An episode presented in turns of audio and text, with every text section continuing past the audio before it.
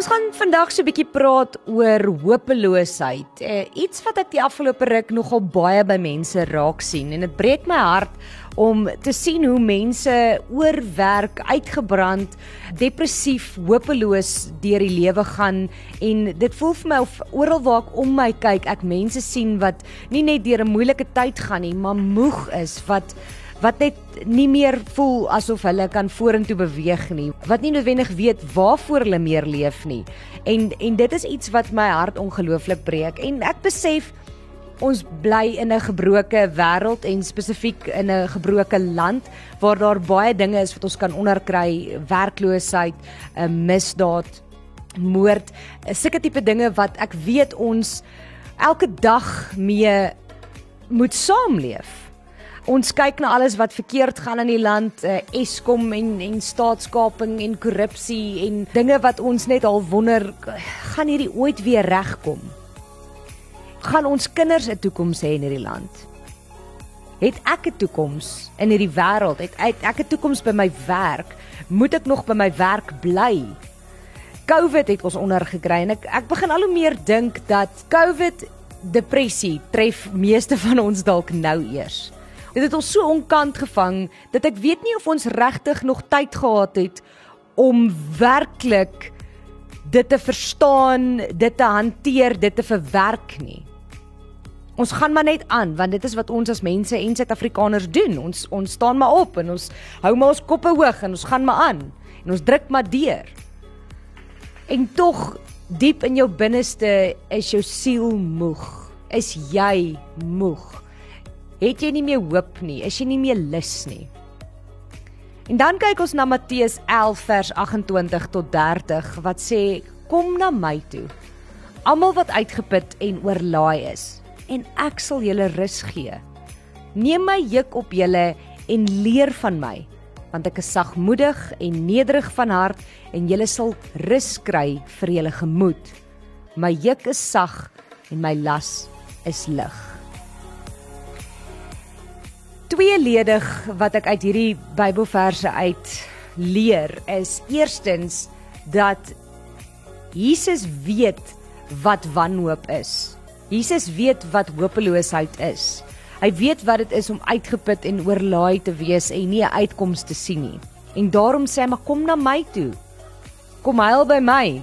Kom praat met my. Kom rus by my. Maar iets wat ons baie keer miskyk, is hierdie verse sê nog steeds neem my juk op julle en leer van my. My juk is sag en my las is lig. Maar daar staan nie, daar is nie 'n juk om te dra nie en daar staan nie daar gaan nie 'n las wees nie. Daar staan net dat saam met die Here kan jy hier deurkom. En ek het nou die dag in 'n gesprek met met 'n vriendin van my terwyl sy deur 'n depressiewe stadium gaan uh, sy sy ly aan depressie en terwyl dit baie swaar en moeilik gaan met haar, het ek gehoor hoe iemand vir haar sê dat om te sê jy's hopeloos is 'n sonde. En ek weet nie of ek daarmee saamstem nie. Ek dink dit is my persoonlike opinie, maar my persoonlike opinie is dat die Here dit verstaan, net soos wat jy mag bang wees. Al hoef jy nie bang te wees nie. Net soos wat jy mag kwaad word, gaan daar tye kom wat jy nie uitkom sien nie. Gaan daar tye kom wat jy sukkel om die Here in jou situasie raak te sien. Net soos Petrus toe hy uit die boot uit geklim het, gesukkel het om Jesus raak te sien tussen die wind en die golwe en hierdie storm. Jesus het hom nie laat verdrink nie. Jesus het nie vir hom gesê jy het getwyfel, so ek skryf jou af nie. Nee. Het sy hand uitgesteek. Sê kom ek help jou.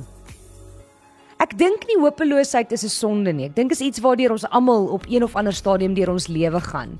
Depressie is nie 'n sonde nie. Ek dink in ons daaglikse samelewing word dit al meer algemeen.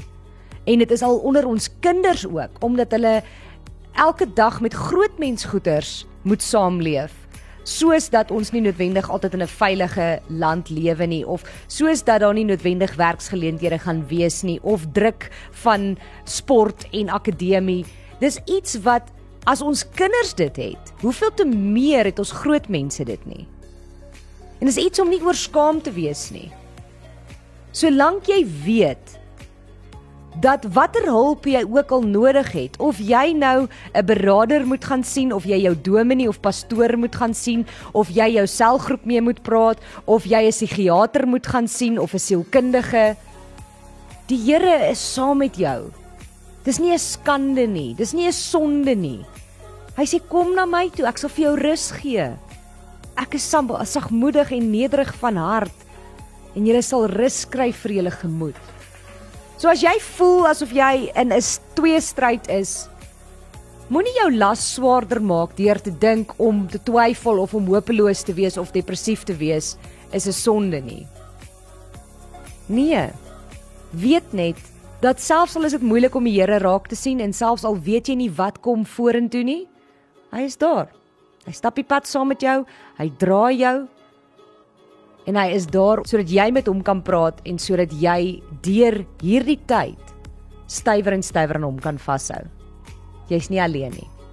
So mag jy na die Here toe gaan, mag jy as jy uitgeput en oorlaai is, rus by hom gaan soek en al gaan dit nie noodwendig beter nie, al is daar nog steeds moeilike dinge en omstandighede, weet dat jy nie alleen is nie. Weet dat daar ander mense is wat dieselfde voel, weet dat daar gelowiges is wat dieselfde voel en nie noodwendig weet hoe om dinge te hanteer nie en weet dat die Here dit verstaan en dat hy weet waar jy gaan en dat hy saam met jou is.